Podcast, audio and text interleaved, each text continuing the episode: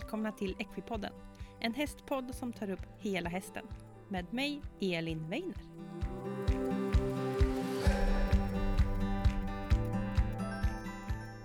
Veckans avsnitt av Equipodden presenteras i samarbete med företaget CC Wool som tillverkar produkter till häst och hund i 100% svensk ull. Att använda svensk ull förstärkt med svenskt läder samt ha en tillverkning i Sverige visar verkligen på CC Wools hållbarhetstänk. Förra veckan beskrev jag naturmaterialet ulls värmeegenskaper som värme vid kyla och andas vid värme. Men ull har också fler goda egenskaper. Ull det är ett ganska fett material och även om det kan absorbera vattenånga, till exempel om det kommer svett, Eh, så kan det också stöta bort vatten om det kommer exempelvis som regn och skydda då att man blir blöt. Och, eh, och, ett exempel på det här det är att jag har fått hem ett sittunderlag från CC Wool som jag har testat nu ett tag. Och det är perfekt att använda om man till exempel ska sitta i manegen eller ute i paddocken. Om man håller lektioner eller tittar på när någon rider. Jag håller mig då varm om rumpan och jag blir inte heller blöt eftersom att materialet skyddar mig från vätan underifrån. Sittunderlaget väger dessutom ingenting, vilket gör att det är väldigt lätt att ta med sig och rulla ihop och det blir inte ett projekt att ta med sig någonting extra när man ska sitta och titta när någon rider. Ull, det blir inte heller smutsigt så som annat material blir, vilket gör att man inte behöver tvätta lika ofta. Det räcker oftast att man vädrar materialet och borstar lite så är det precis som nytt igen. Förra veckan berättade jag om CC Wools schabrak och benpadda till häst och idag tänkte jag lyfta fram CC Wools produkter till hund. Jag själv har hund och eh, oftast ute i stallen finns det både en, två, tre hundar som springer runt. Och eh, min hund, han har fått testa en filt från CC Wool som han älskar att ligga på. Jag har den i bilen och även med mig om han behöver ligga på marken och vänta på mig. Det kan vara till exempel att jag är ute på en längre promenad i skogen och tar en paus eller att han är med i stallet och behöver ligga och vänta i stallet eller manegen eller någon annanstans.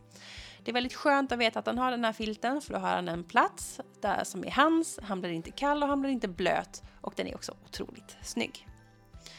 CC Wool har också korgar till hund och eh, ursnygga hundtecken som är perfekta om man har en hund som är ute mycket eftersom att hund, ullmaterialet gör att det inte blir för varmt och inte heller för kallt utan det hjälper hunden att hålla en jämn kroppstemperatur. Jag vill avsluta med att säga att CC Wheels produkter verkligen är otroligt välgjorda och också snygga och har en tidlös design. Vill man veta mer så kan jag tipsa om att gå in på deras hemsida som är www.ccwool.se och också kika in på deras sociala medier. Och då är det ccwool-se på Instagram och ccwool på Facebook. Men veckans avsnitt av Equipodden ska handla om dressyr när jag träffar ingen mindre än Peter Hernstam. Peter, han är B-tränare i dressyr, han är också Grand Prix-ryttare själv och han är också lite av en entreprenör i hästvärlden. Vi kommer att prata om eh, Peters roll som tränare. Hur ser han på rollen som tränare och hur tänker han på vad hans elever kan kräva av sin tränare? Vi pratar också om att bygga team, någonting som Peter verkligen brinner för. Vad ska man tänka på? Vilka ska ingå i teamet? Och eh, vad är viktigt att förmedla till de som ingår i mitt team? Vi pratar om dressyrsporten och hur man skulle kunna utveckla den i Sverige. Eh, Peter han jämför lite med hoppningen, hopplandslaget till exempel som har gjort jättestora framgångar och hur man skulle kunna liksom få dressyren att göra en lika stor utveckling i Sverige. Eh, vi pratar också om eh, hur man ska tänka när man driver hästverksamhet. För Peter, han är lite av en entreprenör. Han har tagit fram massa intressanta projekt som han har drivit i hästvärlden och han har också liksom jobbat med det här affärsmässiga. Så vi pratar om hur man ska kunna driva hästverksamhet, någonting som är väldigt, väldigt svårt. Men nu räcker det. Här kommer Peter Hernstam.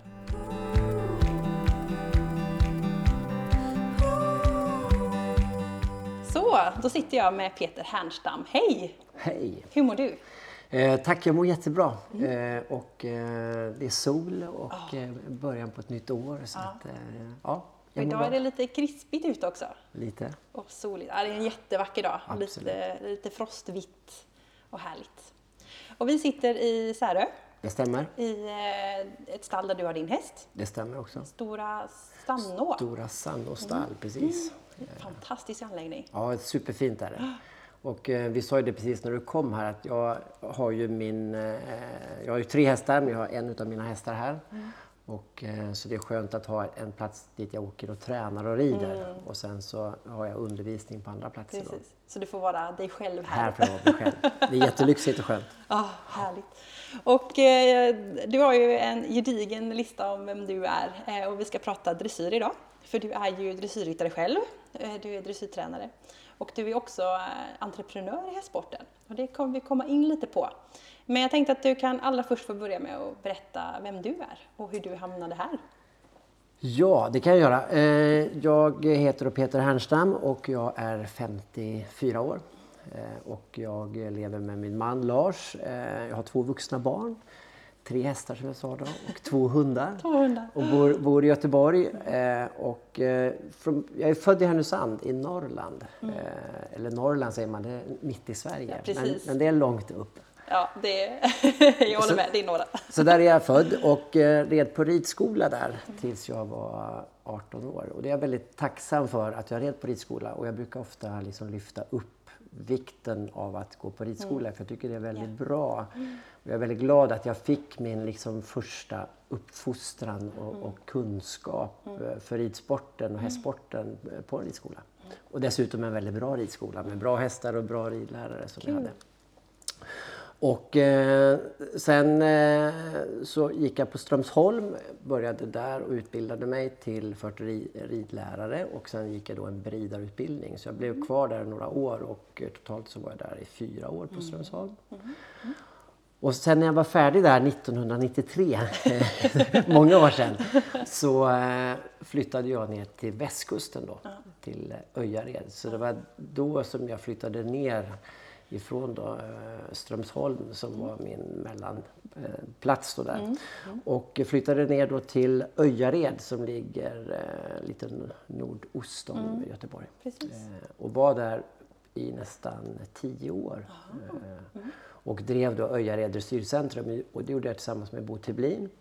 Så att eh, Bosse var ju min huvudlärare på Strömsholm och när jag var på väg att sluta där så frågade han vad skulle du göra när du är färdig? jag, jag vet inte riktigt, så jag. Jag hade väl lite olika eh, grejer på gång sådär men hade inte bestämt mig riktigt vad jag skulle göra.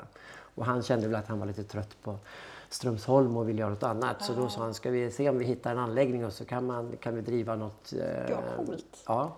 Så, att, eh, så blev det. Så att, eh, jag startade upp mitt företag där, han startade upp sin verksamhet eh, och sen så var vi under samma tak. Eh, och var där då nästan i tio år. Och, och där, innan jag började på Strömsholm och de första åren där så red jag i hoppning faktiskt. Eh, tävlade upp till 1,40. Jäklar, det är Ja, högt. det är högt. Eh, skulle jag aldrig våga hoppa idag.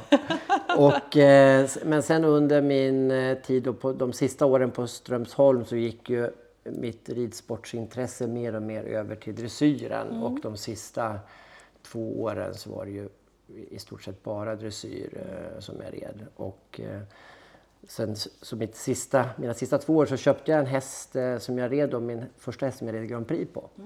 Som jag sen också to- tog med mig ner till Öjared eh, och som jag hade där. Och, eh, ja, under de här åren på Öjared så, så red jag då, eh, tävlade Grand Prix och jag blev då också B-tränare i dressyr eh, och eh, startade igång min verksamhet med, med hästar och eh, ridsport. Och det var ju väldigt lyxigt att ha då också Bo Tiblin eh, som min mentor och som min tränare och som jag hade som liksom hjälp under de här åren då också när jag startade igång eh, verksamheten.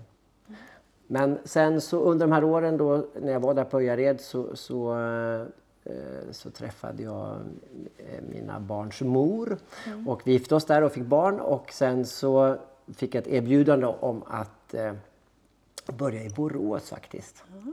Så att eh, jag hade ju liksom ett, ett stort hjärta för ridskola och tyckte att ridskola var väldigt bra. Och fick då ett erbjudande om att, att driva den verksamheten där på Borås ridhus och där man då bland annat hade ridskola och en, en väldigt omfattande tävlingsverksamhet. Eh, mycket privata hästar uppstallade och också en gymnasieutbildning. Så att det var en, en ganska stor utmaning att göra det. Men där var jag i fem år eh, och, och där började väl mitt det här lite mer entreprenörskapet för hästsport och ridsporten att växa fram också. Och eh, det var fem väldigt tuffa år men fem väldigt lärorika år också. Mm. det brukar och, vara så. Eh, precis. Och, och eh, från att eh, en, en, verksamhet som hade gått back under många, många år så lyckades vi då tillsammans där vända på den här skutan och de sista åren så gick vi med en väldigt bra vinst. Wow, och vi eh, och, och kunde också göra investeringar i verksamheten och så mm. vidare. Så att det var en, en väldigt eh, rolig väg och väldigt, liksom jag lärde mig väldigt mycket och jag höll ju fortfarande på med dressyr. Jag hade ju, med, hade ju tre egna hästar där som jag tränade och tävlade dressyr under tiden och jag hade ju lite grann också undervisning då mina, eh, med mina, eh, några få dressyrelever under den här tiden. Mm. Sen kände jag där efter de här fem åren att det sög liksom mycket i den att, att, att driva mitt egna igen.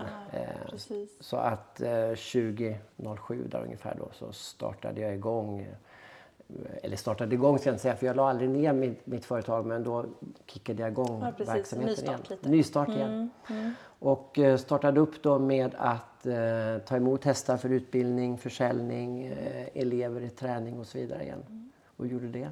Sen så fick ändras min verksamhet ganska snabbt där. För att jag märkte efter ett tag att jag kunde inte rida så mycket. Jag började få lite problem med kroppen. Ja, det är tufft. Det är tufft. Fick mm. lite diskbrock och, och eh, lite andra sådana saker som gjorde att jag fick eh, ja, tänka om lite mm. grann i det här. Hur, hur vill jag jobba med ridsport? sport och hästsport. Så då, då, blev det att jag, hade mina egna hästar. Mm.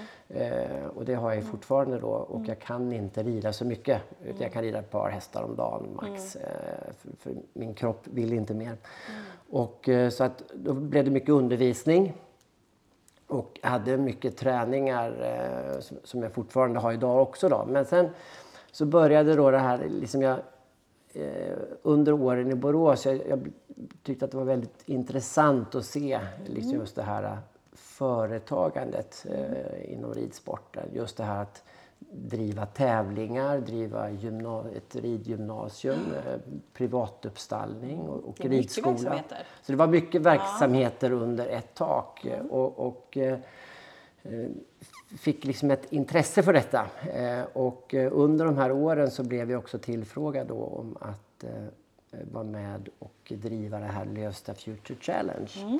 Så det var ju Tinne och Lussan, mm. Louise Nators och Tinne Wilhelmsson då, som hade uppvaktat Antonia Axelsson Jonsson om att eh, ville göra någonting då för mm. unga lovande hästar och mm. för unga lovande ryttare. Mm. Liksom näst, mot Grand Prix då. Så att det var ju så det här startade, Lövsta Future Challenge. Och då var jag, blev jag projektledare för det. Kul. Och var med i uppstarten och drev det här äh, då eh, i sju år. Mm. Så det, det var, det var länge. Ja. Det var jätte, jätte, jättekul var det och eh, väldigt eh, ja, härligt att jobba i, i, med proffsiga människor. Mm. Eh, härligt att jobba, möjligheten att få samarbeta och också jobba med Antonia. Mm. Och eh, lärde mig jättemycket mm. under de här åren och det var väldigt kul att och, eh, forma det här Lövsta Future Challenge och vara med och skapa mm. detta. Och, eh, det. Se, det, det har gett otroligt mycket frukt. Ja. Det är ju verkligen eh, etablerat och självklart ja. i hästvärlden nu. Ja, men absolut. Alla vet vad det är. Ja, man vet vad det är. Och, och sista åren som jag var med där så kom ju också hoppningen in. Mm. Eh, och idag så är det ju också internationellt så ja. det har ju vuxit enormt mycket. Så det är, det är jättekul. Eh, under de här åren också när jag var i Borås och när jag drev Lövsta Future Challenge och mitt egna verksamhet då, så, så satt jag i, satt som ordförande i dressyrtränarklubben. Mm. Och eh, jag satt också som ledamot i, i eh, dressyrkommittén i Ridsportsförbundet. Då. Mm. Eh, och så kom jag in väldigt mycket i ridsporten och, och såg, ja, lärde mig hur fungerar ridsporten, hur fungerar Ridsportförbundet. Mm. Mm. Och eh, just tanken med det här var ju också att jag, jag hade ju driv och en vilja att utveckla ridsporten. Mm dressyrsporten då framför allt. Ja. Eh, och eh, tänkte att ska man kunna göra det så är det ju där man ska sitta. Yes. Det... så där, där kan man säkert vara med och påverka och, och förändra och förbättra. Så att det var eh, jätteintressanta år och eh, göra det här. Och sen lärde jag känna väldigt mycket intressanta personer. Mm. Eh, lärde känna min kompanjon Christian från Krusenstjerna. Mm och Eva Salomon. Eh, vi eh, satt ju tillsammans då, Eva och jag och Christian i dressyrkommittén. Sen fick jag en, en snillblixt där 2014 och sen så ringde jag Christian och Eva och sa jag har en idé, sa jag. Och det är då Dressage Power Ja. som var den här idén. Och, och det var just det här liksom att vi, vi såg när vi satt i dressyrkommittén och eh, liksom även i, när, man, när jag var engagerad i dressyrtränarklubben att det finns ett sånt stort behov av att göra mer saker för sporten Ja. och ridsporten. Och, och jag kunde väl känna i, i dressyrkommittén så var det lite svårt att kanske det var ganska låst vad man kunde göra och inte göra eh, av olika anledningar. Och eh, då kände jag väl sådär att ja, men skulle man kanske kunna göra något annat? Och det var just det här med dressage power. Så jag pratade med Christian och pratade med Eva Solomon. Vad tycker ni? Ska vi inte liksom Ska vi göra? Ska vi, ska vi inte göra någonting? Och de var på direkt. Ja, vad kul. Så det här var 2014 då. Och eh, 2016 då gick vi ut och lanserade Dressage Power. För vi sa i början att vi, vi går inte ut, vi säger ingenting om det här utan vi jobbar liksom i, i det tysta. Och vi har ju lagt ner tusentals timmar tillsammans på det som då har blivit Dressage Power. Och eh, idag så har vi sex stycken tävlingar och vi har en akademi för ungdomar 12 till 21 år och vi har en akademi för vuxna ryttare. Vi har en tv-kanal och vi har en klubb. Så att det har ju vuxit väldigt, väldigt mycket. Eh, Och eh, har varit fantastiskt roligt att arbeta med. Och vi har ju, det är ju inte vi tre bara som driver detta utan vi är ju många, vi är totalt 15 medarbetare Oj. som arbetar med Dressage Power i, i olika omfattning då. Eh, men, men kul att se och, och det här var ju sådana tankar som vi hade när vi satt i kommittén med saker vi ville göra och som var svåra där. Och sen har vi sett att det var bättre liksom att göra det i ett mindre forum och där eh, snabbare och kortare beslutsvägar Precis. och en mindre grupp personer där man inte behövde ta alla beslut så långa, långa vägar. Så att vi har gjort det som vi tycker man då skulle behöva göra i, i ridsporten och dressyrsporten. Och, eh, ja, det var en jättekul eh, resa och, den är ju eh, den är bara i början. Ja, det, kommer, det kommer bli väldigt mycket kul där. Så att, mycket kvar. så att det är lite kort om mig. och hur du hamnade. Det, är ju, det som är så kul att få lyssna på det här det är att det är så gedigen bakgrund och liksom att du har tagit alla stegen och träffat människor och sett chanser och kört på det. Och jag tycker det är väldigt kul just med er akademi eh, på Dressage Power att, att man får en sån gedigen utbildning. Eh, att det finns, att det är duktiga människor som är där, att man delar med sig av kunskap för det är ju det som driver framåt kunskap och utveckling. Precis, och det är det som vi har sett också, för det här var väldigt, väldigt tidigt när vi startade Dressage Power så sa vi det att vi behöver göra någonting för våra unga ryttare. För att man, eh, man, man, man är i regel ganska duktig på att rida och, och träna, men man kan inte allt det andra runt omkring som man behöver ha med sig om man ska bli en riktig toppryttare. För det är det vår ambition och tanke med akademin, det är ju att eh, om tio år så, så ska vi säga att ja, men de här har gått i Precis, akademin. de kom härifrån. De kom härifrån. Så det, det tycker vi är väldigt kul. Och jag ser ju det själv också. För mitt, eh, om man tittar med eh, mitt egna företagande, det är ju då att jag, jag eh, håller träningar, jag har mina egna hästar. Mm. Och sen hjälper jag också eh, företag Mm. och, eh, inom hästnäringen då med att utveckla sina verksamheter. Mm. Och det har jag med mig från den här tiden i Borås. Då. Och, eh, så att mitt, e- mitt egna där med träningar, mina hästar och sen så har jag då den här mixen då med dressage power. Så det är väldigt, allting är ju kopplat till ridsporter men, men olika inriktningar. Olika, olika glasögon på Ja, liksom, så precis. Och det är väldigt kul att ha, den, eh, ha- flera olika inriktningar så tycker jag. Och eh, akademin började för ungdomar men eh, har blivit också för eh, vuxna, när jag snuffar den här, men ja, seniorer också ganska nyligen, eller hur? Ja men exakt. Vi, vi startade först, eh, allra först startade vi bara också för dressyrryttare. Och det här var 2019 så vi är inne på eh, nu det fjärde året nu som vi går in. Eh, och eh, första året var dressyr och ganska snabbt där så knackade hoppungdomar och Hallå, föräldrar och hopptränare. Varför gör ni inte det här för, dress, för hoppningen också? Och, eh, så vi startade hoppningen sen, mm. året därpå. Mm. Och, eh, så nu har vi ju eh, både ungdomar då i dressyrhoppning och nu har vi faktiskt fler ungdomar i hoppning än i dressyr, eh, ja. vilket är jättekul. Och nu har vi öppnat den här nya eh, anmälan för kommande år då här mm. så att eh, nu håller ju många på att anmäla sig till den här utbildningen. Och sen så, start, så, så, var det ju då flera äldre, eller flera äldre, men de som är äldre än 21 då, ja. som frågade kan inte vi få vara med? Ridsporten ja, är ju för, ja, ridsporten är för alla åldrar och vi ska ju inte diskriminera alla, det ska vara öppet för alla. Ja. Och då sa vi att okej, okay. eh, då sa vi att då gör vi den här, för den här akademin för ungdomar är ganska unik. Mm. Eh, och just att vi, vi, vi, utbildar inom så många olika områden mm. och vi utbildar också föräldrarna parallellt. Mm. Mm. För föräldrarna är en så viktig del i ungdomarnas precis, satsning. Precis. Eh, och eh, den här akademin då för seniorer som är 22 uppåt där, mm. där har man kanske inte sin förälder på det Nej, sättet. Precis. Utan där är det mer inriktat på deltagaren bara. Då, eller bara. Men. Mm. Nej, men man är ändå så pass vuxen att man kan ta egna beslut. Precis. Är man 13, 14, 15, 16 då måste man ha en förälder med. Man måste ha det och det är, liksom, och det är just det här med att bygga team så är ju föräldrarna en viktig mm. del i, i det. Precis. Mm. Ja, vi ska prata lite om det. Eh, jätteintressant. Mm, det så... finns mycket att plocka här. Ja, det gör det. Eh, men jag tänkte faktiskt att vi skulle börja med att prata om din tränarroll. Eh, och det som man känner är att du verkar brinna för utbildning och kunskap, både som ridlärare och via dina företag och som tränare. Och vikten av att kunna saker.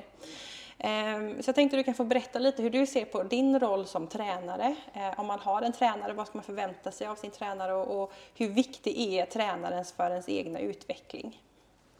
Alltså det är ju jätteviktigt att man har en tränare mm. eh, om man vill utvecklas. Eh, och, eh, och där tycker jag att man, man ska då hitta en tränare som, som passar. Mm. Att, man, att man passar för varandra. Mm. Sen tycker jag också det är viktigt att man, att man tittar vad har den här tränaren för kompetens och för utbildning. Yes. Eh, det är inte lika med att man är en duktig tränare för att man är en duktig ryttare själv. Precis.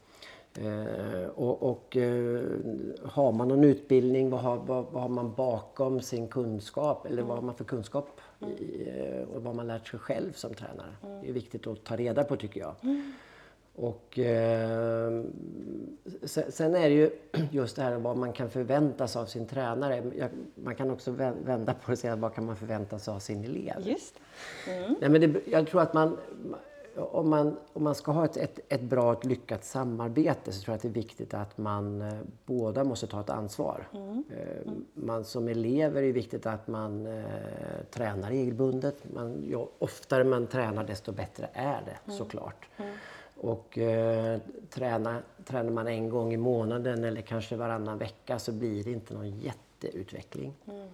Eh, ju oftare man tränar desto bättre såklart blir det. Yes. Och ju mer hängiven man är som tränare, desto mm. mer hängiven blir ju Precis. tränaren. Ja. Eh, och engagerar sig mer. Mm. Eh, om jag har en elev som engagerar sig väldigt mycket, liksom man, ser, man, man följer sina mål, sin plan, mm. eh, man eh, man märker att man, trän, man tränar från gång till annan på mm. det man ska göra. Man märker att det blir förbättringar. Mm. En sån, ett sånt ekipage är jättekul att träna. Ja. Eh, har man, sen kan det vara andra ekipage som kanske tränar mindre frekvent. Eh, de ibland åker de och, och gör, tränar på and, gör andra saker. Och, så mm. och då, då kanske man som tränare inte har samma mm. Liksom, driv själv och, mm. och samma eh, hundraprocentiga eh, engagemang. Och det behöver inte vara dålig träning för det, men det säger sig självt tror jag. Ja, alltså, så att det är ett, ett, ett givande och tagande där. Mm. Och, och, man ska absolut kunna ställa krav på sin tränare. Den ska såklart komma i tid och den ska hålla sin träning. Och när man har träningen ska man vara engagerad mm. i ekipaget. Ja, och 100% och fokusera. Det är super, superviktigt. Ja. Eh, oavsett om man tränar en gång eller man tränar en gång i veckan eller flera gånger i veckan eller om man tränar en gång i månaden så är det viktigt. Mm. Eh, men, men, men om man om man verkligen vill nå eh, långt så, så är det viktigt att man gör ett, ett väldigt bra upplägg med sin tränare. Mm. Och att man eh, liksom då ser till helheten i upplägget där med, med träning, plan med träning, upplägget och hur man liksom både då planerar in tävling och så vidare. Och, eh, och ha, eh, om man har väldigt mycket ekipage så är det ju omöjligt att vara med alla ekipagen på tävling. Det funkar ju inte. Men man kan ju då ha, jag har ett sånt upplägg så att tränar man för mig ofta om man väljer mig som sin huvudtränare då, så lägger jag ner lite mer tid och engagemang. Eh, och, och, eh, och då kan jag, en del i det kan då vara att jag kan vara med på tävling. Just det. Och eh, kan man inte vara med fy- fysiskt så kan man ju också vara med digitalt och hjälpa Precis. till. Nu finns det mycket bra verktyg för det. Det- Absolut. Så att, eh, ja, men jag, jag har en, liksom en ganska tydlig plan hur jag själv jobbar med vad, vad kan man förvänta sig utav mig som tränare om man väljer att ha mig som tränare. Mm. Och då har jag också vänt på lite att, att det här och det här kan ni få men eh, gör, ja, har vi det här upplägget så kan man få lite mer. Mm. Så att, eh, och det tror jag är viktigt att man också tänker för sig själv. För jag som tränare blir ju också då, jag kan ju känna att ja, men den här, vi har det här upplägget. Eh, Det vet eleven om och jag vet vad vi har för upplägg. Och då vet den här eleven vad den får. Och har jag en elev som jag har, där jag har ett annat upplägg, då vet den också vad den kan förvänta sig. Och, och jag kan också ställa krav tillbaka att det här är inte riktigt vad vi har snackat om. Och så. Jag tror det är väldigt bra att ha. Jag tror att många är sådär, ja men nu rider jag för den tränaren och så kör man sådär. Men att vara tydlig med att vad är din roll, vad är min roll, vad kan jag förvänta mig av dig och vad ska jag i gengäld ge dig? Alltså att det tror jag att desto tydligare man är i det desto bättre blir det. Exakt. Och eh, ja, att vara tydlig med det. Och det blir ofta sådär, nej men nu ska jag ta en dressyrträning. Och så tar man en dressyrträning. Ja. Men, men sen då? Ja. Att det blir tydliga ramar. Ja, nej, men jag tror att det är jätteviktigt. Och sen kan det ju vara, det behöver inte vara fel i det heller. Det kan ju vara så att man känner att ja, men jag vill få en liten input från någon annan. Jag vill liksom någon annan ska titta. Och, och det är inget fel i den typen av träning heller. Men om man ska göra en, ett, en långsiktig satsning eller man ska göra en satsning då behöver man ha ett långsiktigt upplägg och en bra och tydlig plan. Och då kanske det inte funkar med att man hoppar runt för mycket. Precis. Det tror jag inte är så bra. Jätteintressant. Och, och då kommer vi in lite grann på, på det vi nosade lite på förut, det här med att bygga sitt team. Vi pratade ju lite om det och du har också skrivit mycket på sociala medier om eh, eh, att, bygga, att ha ett bra team runt sig. Och det kan inte alltid vara så lätt. Dels att se vilka är i mitt team, eh, vad bör jag ha i mitt team? Men också ibland kan man känna att okej, nu sa hovslagaren att jag ska göra på det sättet, men terapeuten säger så, så säger tränaren att jag ska göra sådär, och veterinären säger att jag ska det bettet, men tränaren säger att jag inte ska ha det. Att det kan bli lite rörigt och det kan vara svårt ibland att veta vad ska jag lyssna på och inte. Eh, Så jag tänker vi ska prata lite om att bygga sitt team. Så att om du bara börjar med liksom, vad, hur ser du på det här? Är det viktigt? Eh, Vilka ska vara med och hur ska man tänka? Det är ju super, superviktigt att, att ha sitt team. Eh, och eh, hur det ser ut kan ju vara olika beroende på förutsättningar och hur man, vilken typ av satsning man, man gör. Eh, några som är väldigt nära, om man tittar då ungdomar och barn till exempel, där är ju familjen och föräldern då eh, en jätteviktig del i teamet. Tränaren såklart är ju en viktig del. Och sen också då veterinär, hovslagare, eh, man kanske har en mental tränare. Man kanske har någon kostrådgivare. Alltså det finns ju så många som man har. Men det är viktigt att man, dels att de som man har i teamet vet vilka har jag mer. Det. Eh, och det är viktigt tycker jag också att man att veterinär, och hovslagare, ekviterapeut till exempel och massör, vad man kan ha, att de tänker på samma sätt. Ja. Och de vet vad, vad jag gör med min häst Ja. och hur upplägget och planen är. Och där är, det är också där viktigt att man, man har en dialog och man, man pratar med de här. Men de som jag i, i mitt team, de vet om vilka de är och vet vil, vilka roller de har. Och, och eh, min veterinär vet vilken ekviterapeut jag har och, och eh, stämmer av allting hela tiden där. Och det tror jag är superviktigt att man har på det sättet. Och, och, eh, och det är också viktigt att man, i, i, när man bygger sitt team, så är det också viktigt att man att alla är involverade i vad man har för mål, mm. vad man har för plan mm. i detta. Mm. Och sen är det också viktigt att det då är realistiska mål mm. eh, och, det. Och, i det här. Och att de som är med i teamet vet vart jag är på väg och vad jag, yeah. har, vad jag har för mål. För det är ju förutsättningarna för, för hur eh, satsningen mm. ska gå och hur, det ska, hur den ska byggas. Mm. Eh, och, och, att alla i teamet är medvetna om vad, vad, eh, vad vill jag och vart är jag på väg. Precis. Och att se, lite som du sa, att man har olika förutsättningar. Liksom, vad krävs? Om jag har ett visst mål, man kan ju drömma om vad som helst. Jag kan ju drömma om att vinna OS fast jag kanske inte har en häst för det. Och att se liksom vad, vad har jag för förutsättningar och vad ska jag göra för att nå de målen och hur mm. kan vi tillsammans komma dit? Och sen också viktigt är ju som du sa, drömmar är ju en sak. Mm.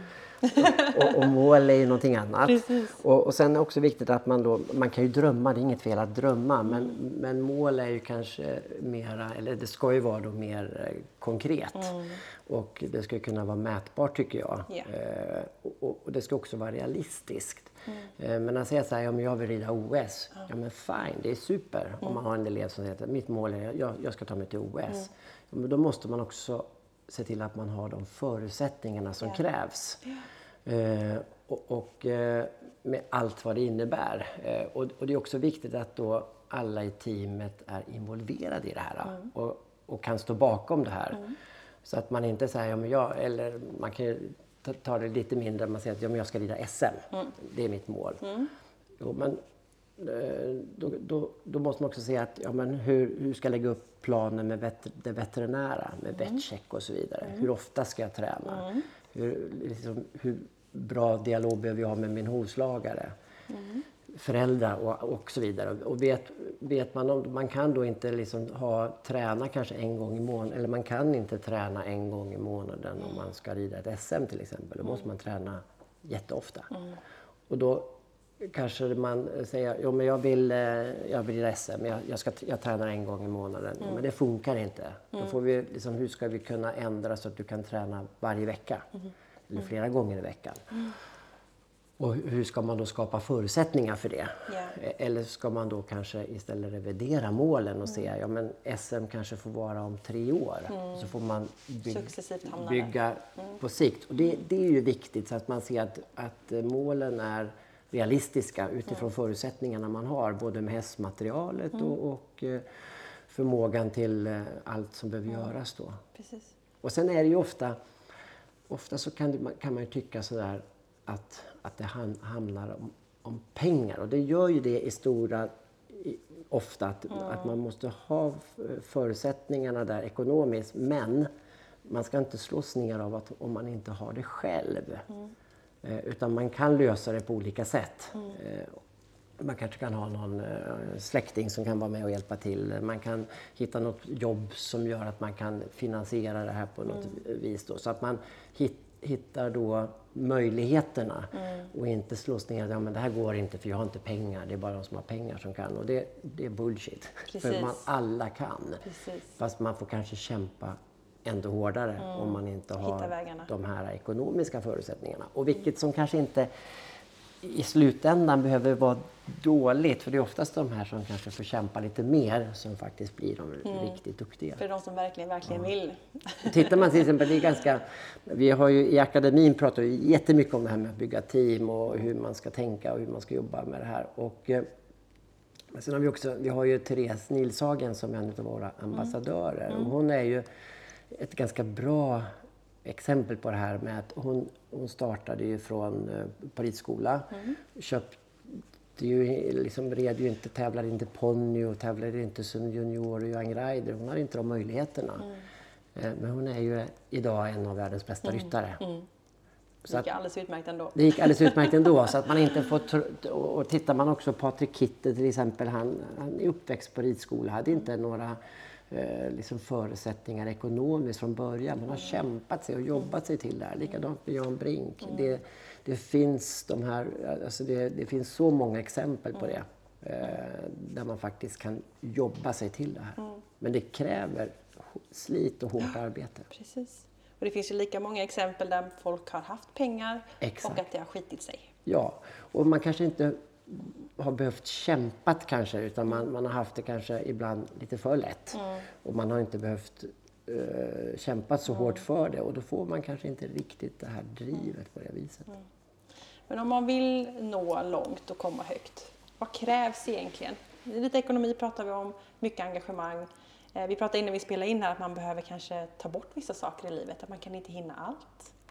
Nej, men man, jag, jag tror oavsett om man vill komma långt, oavsett vad det är inom, om det är inom konståkning eller eh, simning eller vad det är, så, så det är ett väldigt, väldigt hårt arbete. Och jag brukar säga det, man måste vara lite nördig. Man måste liksom så här grotta ner sig i detaljer och verkligen liksom ja, verkligen vilja lära sig så mycket som möjligt om många saker. Och sen får man, eh, det kanske kan låta hemskt, men man får försaka mycket. Och det behöver ju inte vara eh, negativt. Det- För att man, ju- man får ju kanske välja bort vissa saker för att man ska lyckas med det man vill då. Precis. Och man kan inte göra allt och samtidigt eh, bli en, en eh, elitidrottare på toppnivå. Det går inte. Så att eh, det krävs, eh, det krävs ekonomiska förutsättningar eh, och det, det behöver inte vara att man har pengar själv. Och sen så krävs det ett jädra driv på ren svenska. Man måste ha liksom viljan och, och go it. Jag, jag brukar säga det ibland. Jag, när jag var, jag tror jag var 14-15 år. Eh, då kunde man inte googla. man kunde inte surfa på nätet. Eh, utan, jag vet inte hur jag fick reda på det, men jag fick reda på att det var landslagsträning i dressyr för Walter Kristensen som då var Sveriges eh, förbundstränare då, i Flyinge och jag bodde i Härnösand. Och jag satte mig då på buss. Mina föräldrar var ju inte, intresserade, de var ju intresserade men de var, hade ju ingen rid och hästbakgrund alls. Så satt man och åkte buss ner. Bodde sen på ett vandrarhem liksom ett par kilometer från Flyinge. Så jag gick där varje morgon. Eh, Åkte ner då, åkte buss. ganska långt. Ja, det, det är långt, det är över 100 mil. Åkte buss ner till Flyinge. Satt där och tittade i tre dagar. Från morgon till kväll Wow. på läktaren. Och så gick jag till vandrarhemmet, bodde där, så gick jag tillbaka till Flyinge och sen åkte jag buss tillbaka. Och jag undrar hur många 14-15-åringar som skulle göra det idag. Eh, och det var just det att jag, jag, jag satt och tittade från morgon till kväll och tittade liksom när de tränade. Eh, och det, jag bara, jag tänkte, var, varför sitter inte fler? Varför är det inte fullt här liksom? Och som sitter och tittar. Vad häftigt. Ja, men det, jag tror det är en liten skillnad kanske i dagens generation. Ja, Jag såg ett inlägg på Facebook med någon som skrev sådär att de letade medryttare tror jag och sa de att eh, alla vill att det ska vara serverat. Vart är de här ungdomarna som åker buss eh, 40 minuter enkel väg för att få rida? De är, de är borta. de är borta. Och det, är- det, det är en annan tid idag såklart. det- Och, det, och, och, det är inte bara negativt med det. Men, men jag, jag tror att man oavsett det så behöver man ha den här nördigheten och viljan att, att Det eh, lilla extra. vilja, jag, jag kan ju fortfarande kliva upp tidigt i morgon och sätta mig och titta på eh, när det är tävlingar internationellt och, gå och titta på en framridning och sitta och titta. Eh, och det är inte så många som gör det. Och jag tror att man, om man ska bli duktig så måste man titta på de bästa. och Man måste liksom ha viljan att lära hela tiden. Jättebra tips. Eh, vi ska röra oss framåt lite grann, men jag har faktiskt en fråga som jag skrev här och det är eh, det, ibland får jag meddelanden till podden och eh, för ett tag sedan fick jag ett meddelande med en tjej som rider just på ridskola. Och hon tyckte att det var lite svårt att liksom veta hur man ska utveckla sig själv på ridskola. Och eh, jag kom på det nu när vi satt och pratade, här, för vi pratade om tränarrollen och vi pratade om att liksom, man ska göra en upplägg med sin tränare och se liksom, sin framåt. Så här. Men om man är en person som trivs på ridskola och, och gillar att vara på ridskola, man gillar klimatet, miljön, hästarna, det är jättesocialt. Eh, Men känner att man kanske stannar lite i ridningen. Har du någon tanke där på hur man kan göra för att utveckla sin egen ridning på ridskola? Om det är där man vill vara kvar. Så ridskola tycker jag är jättebra. Eh, och, och som jag sagt innan här. Och jag, jag, jag, när jag själv red jag red på ridskola kanske till slut väldigt många dagar i veckan. Jag red så mycket jag bara kunde.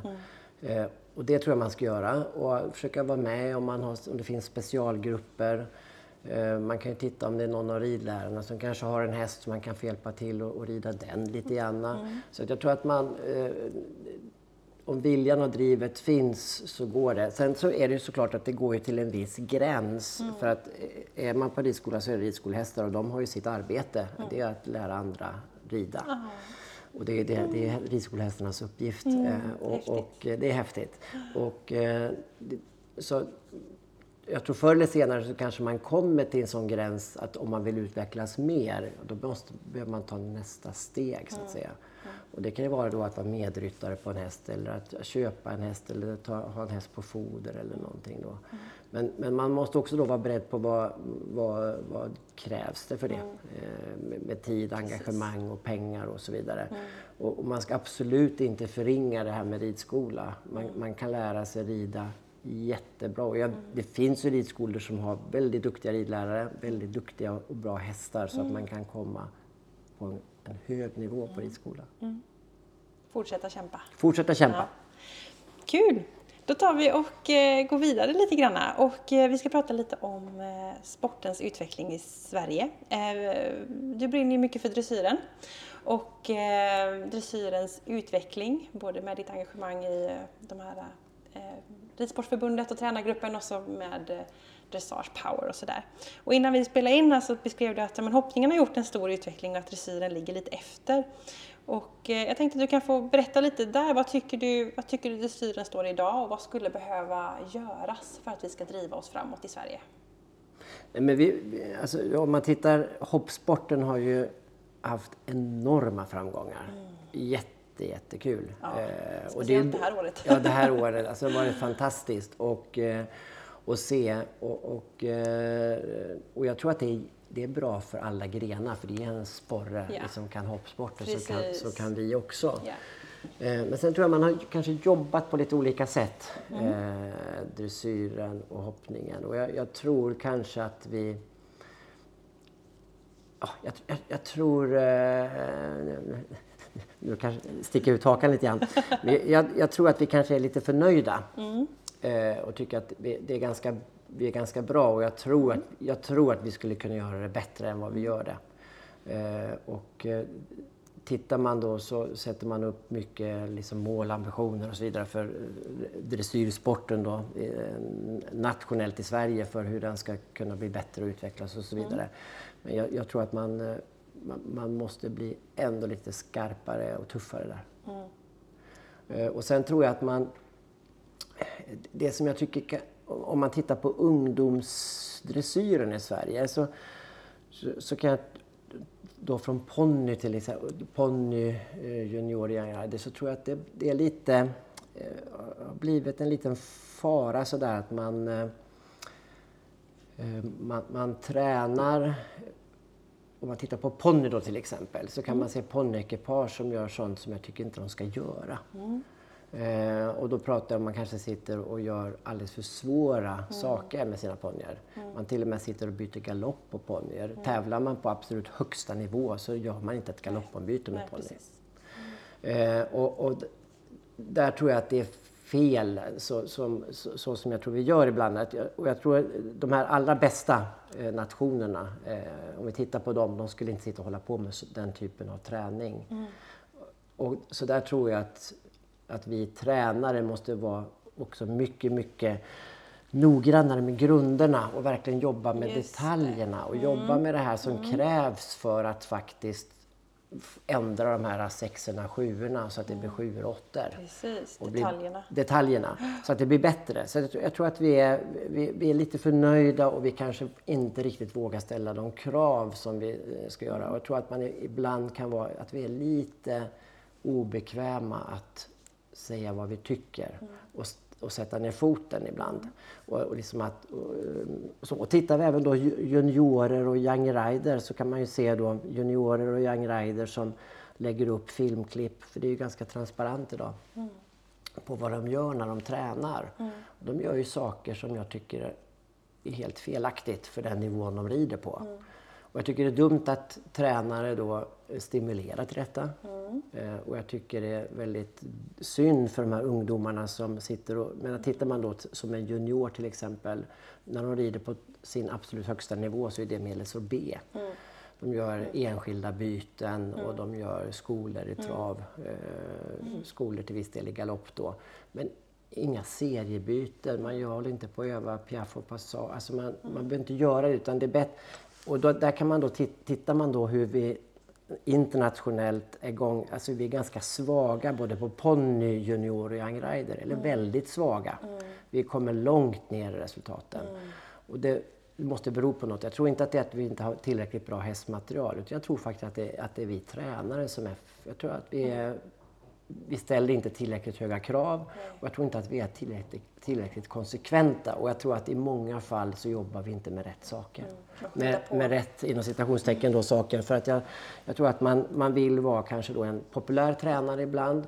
Man vill göra de här sakerna som eh, de, de andra, man tror att alla håller på med. Eh, Och där tror jag att vi måste vara tuffare vi tränare. Eh, att, att våga säga ifrån att det här behöver inte du lära dig. eh, Utan du kommer lära dig det här så småningom när grunderna sitter för den nivå du är på. Precis. Det är inget perfekt ännu, eller det finns ju mycket att göra. Det finns så mycket att göra. Och, och hade vi varit en, en nation som var bäst i världen, då hade vi haft ett bra upplägg. Men vi är ju inte det. Vi, är, vi ligger ganska långt efter i dressyren som jag ser det.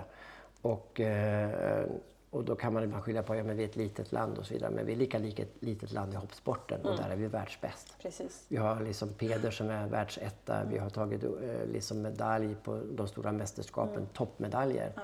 Så att, eh, vi, vi kan inte skylla på det. Nej, precis.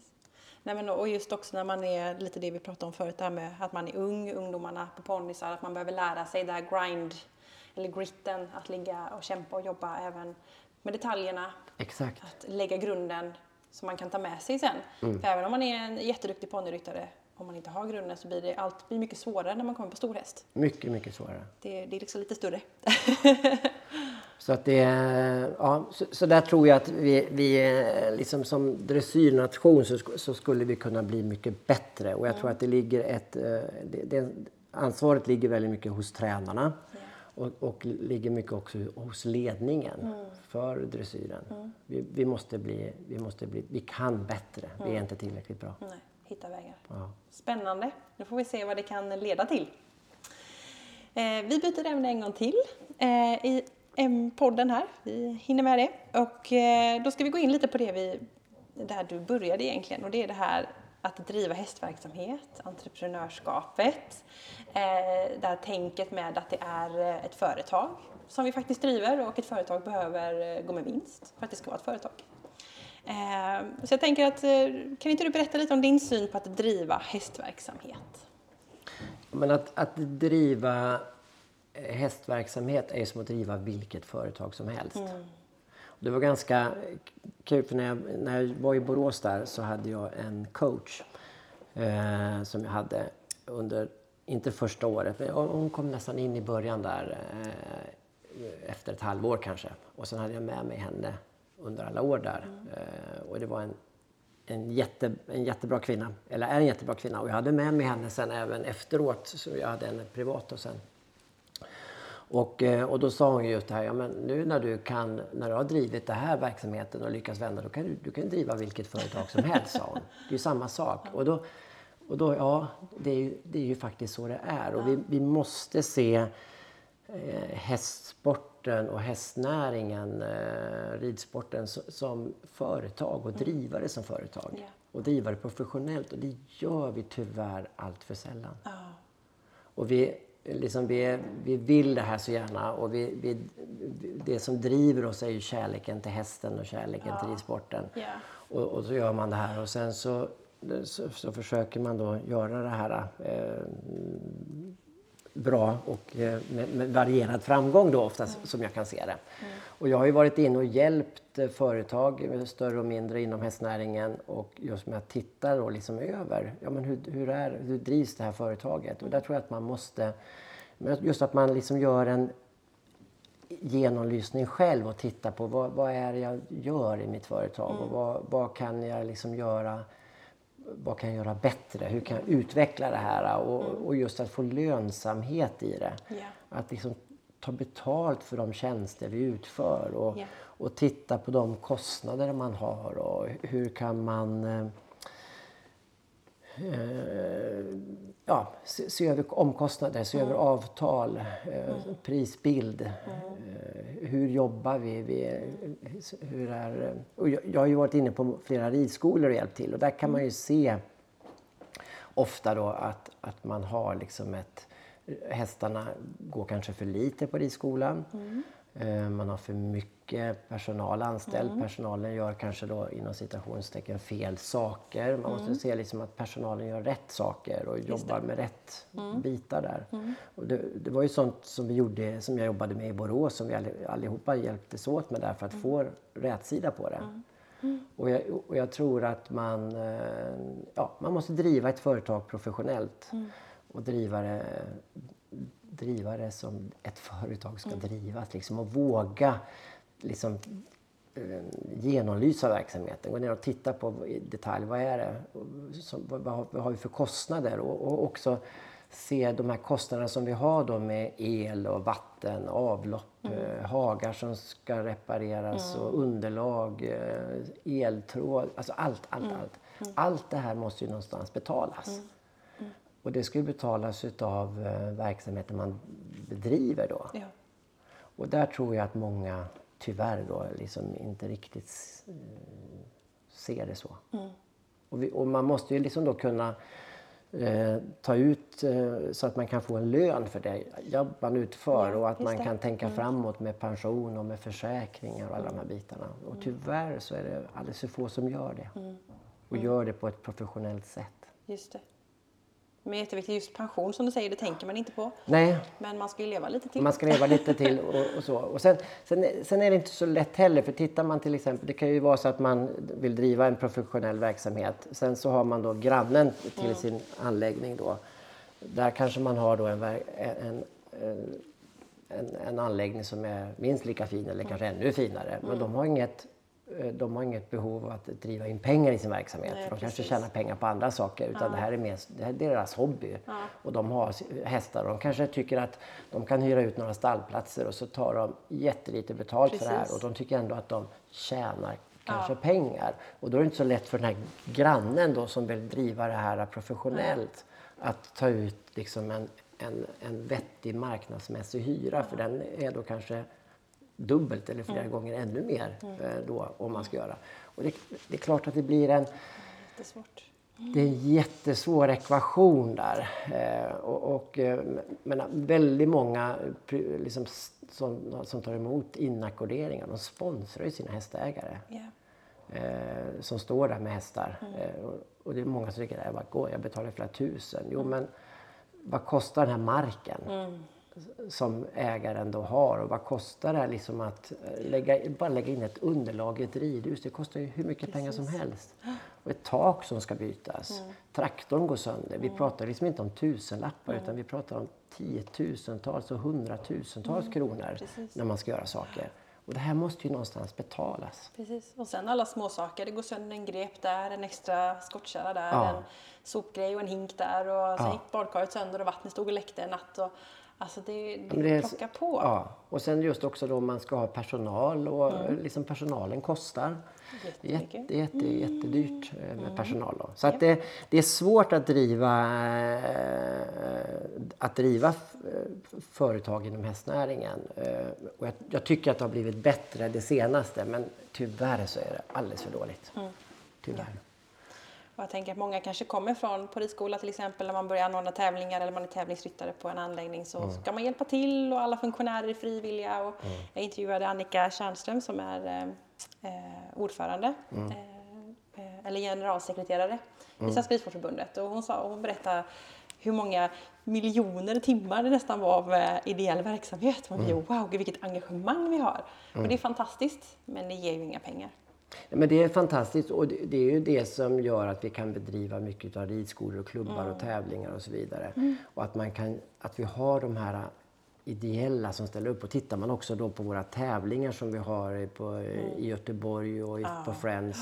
Alltså det är ju hundratals funktionärer som Ja. gör det här för att de brinner för det här och gör det utan någon som helst ersättning. Gör det helt ideellt. Ja, fantastiskt. Och, och eh, det blir ju tuffare och tuffare att få folk att ställa upp ideellt. Men när man ska driva företag så kan man inte bygga det på ideell basis. Det går inte. Nej. Utan man måste ju ta, man måste liksom ta betalt för tjänsterna och man måste kunna få en lön ifrån det arbete man utför. Annars Precis. så är man liksom fel ute tycker jag. Då, då får man göra något annat. Precis. Ja, jätteviktigt. Det är jätteviktigt. Och jag tänker om man nu sitter och lyssnar på det som du säger här och känner att oj, oj, oj, jag driver ju en verksamhet och det här känns, det här, här borde jag ta tag i. Var ska man börja någonstans? Hur ska man börja tänka och titta på de här sakerna? Ja, men som jag sa, jag tror att det är viktigt att man tittar vad är det jag håller på med. Att man liksom vågar liksom genomlysa sin egna verksamhet. Att man tittar vad har jag för kostnader i företaget? Vad har jag, vad har jag för intäkter? Eh, vad, vad kan jag ta ut för lön för det här? Och, och då ganska snabbt så ser man ju att den här balansen inte är så bra. Eh, och då får man ju börja titta vad kan jag ändra i det här? Precis. Och det finns ju massor man kan göra eh, för att förbättra det här. Och det är viktigt att göra det. Om man vill ha liksom en, en hållbar eh, verksamhet som man kan göra länge och som fungerar även om man blir sjuk. Och Mm.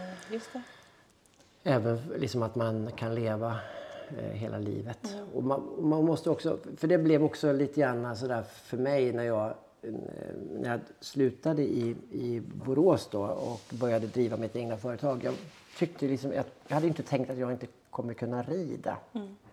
Utan det var som självklart att jag ska rida x antal hästar per dag som jag alltid har gjort. Och när jag då inte kunde göra det så blir man liksom, man fick liksom en liten tankeställare. Och, och det, olyckor kan hända, saker kan hända och då måste man liksom se att man, eh, ja, man får tänka framåt. Jätteviktigt. Ja, verkligen superintressant. Nu har vi suttit i nästan en timme eh, och pratat eh, fantastiskt trevligt och så mycket bra intressanta eh, saker har vi fått sagt. Eh, jag tänkte att jag skulle runda av här och om man tyckte det här var intressant och vill se mer eller höra mer av dig, eh, hur gör man för att komma i kontakt eller följa dig? Man kan gå in på eh, peterharnstam.se. Där är min hemsida. Eh, och där, där kan man läsa om vad jag håller på med och vad jag jobbar med. Och eh, där finns mina kontaktuppgifter. Så peterharnstam.se, där kan man gå in. Och eh, det finns bara jag som heter Peter Härnstam så det är ganska lätt, det är ganska lätt att, att googla upp mig och hitta var man får ta på mig. Just det. Och Instagram? Instagram så är det Peter Harnstam och eh, Peter Härnstam på Facebook. Så där kan man gå in också och följa mig och se, Se vad jag, du gör på dagarna. vad jag håller på med på dagarna. Ja, och hundar och allt jag har sett. Hundar, hund, hundar och hästar, ja precis. Och eh, Dressage Power har också hemsida. Exakt, och det är ju dressagepower.se. Och sociala medier, samma Mm. sak. Om man tyckte det lät intressant när vi pratade om det. Absolut. Ja, men toppen. Då säger jag tack så jättemycket för att du ville vara med i Equipodden. Tack själv.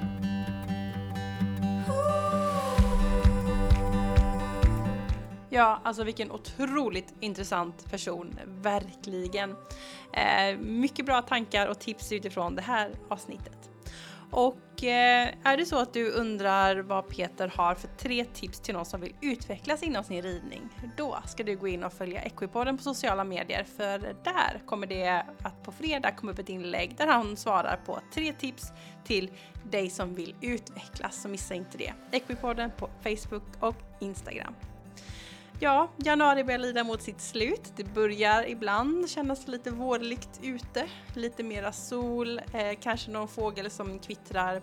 Och eh, jag får helt enkelt önska dig en fantastisk vecka så hörs vi nästa vecka igen med ett rykande färskt avsnitt av Equipodden.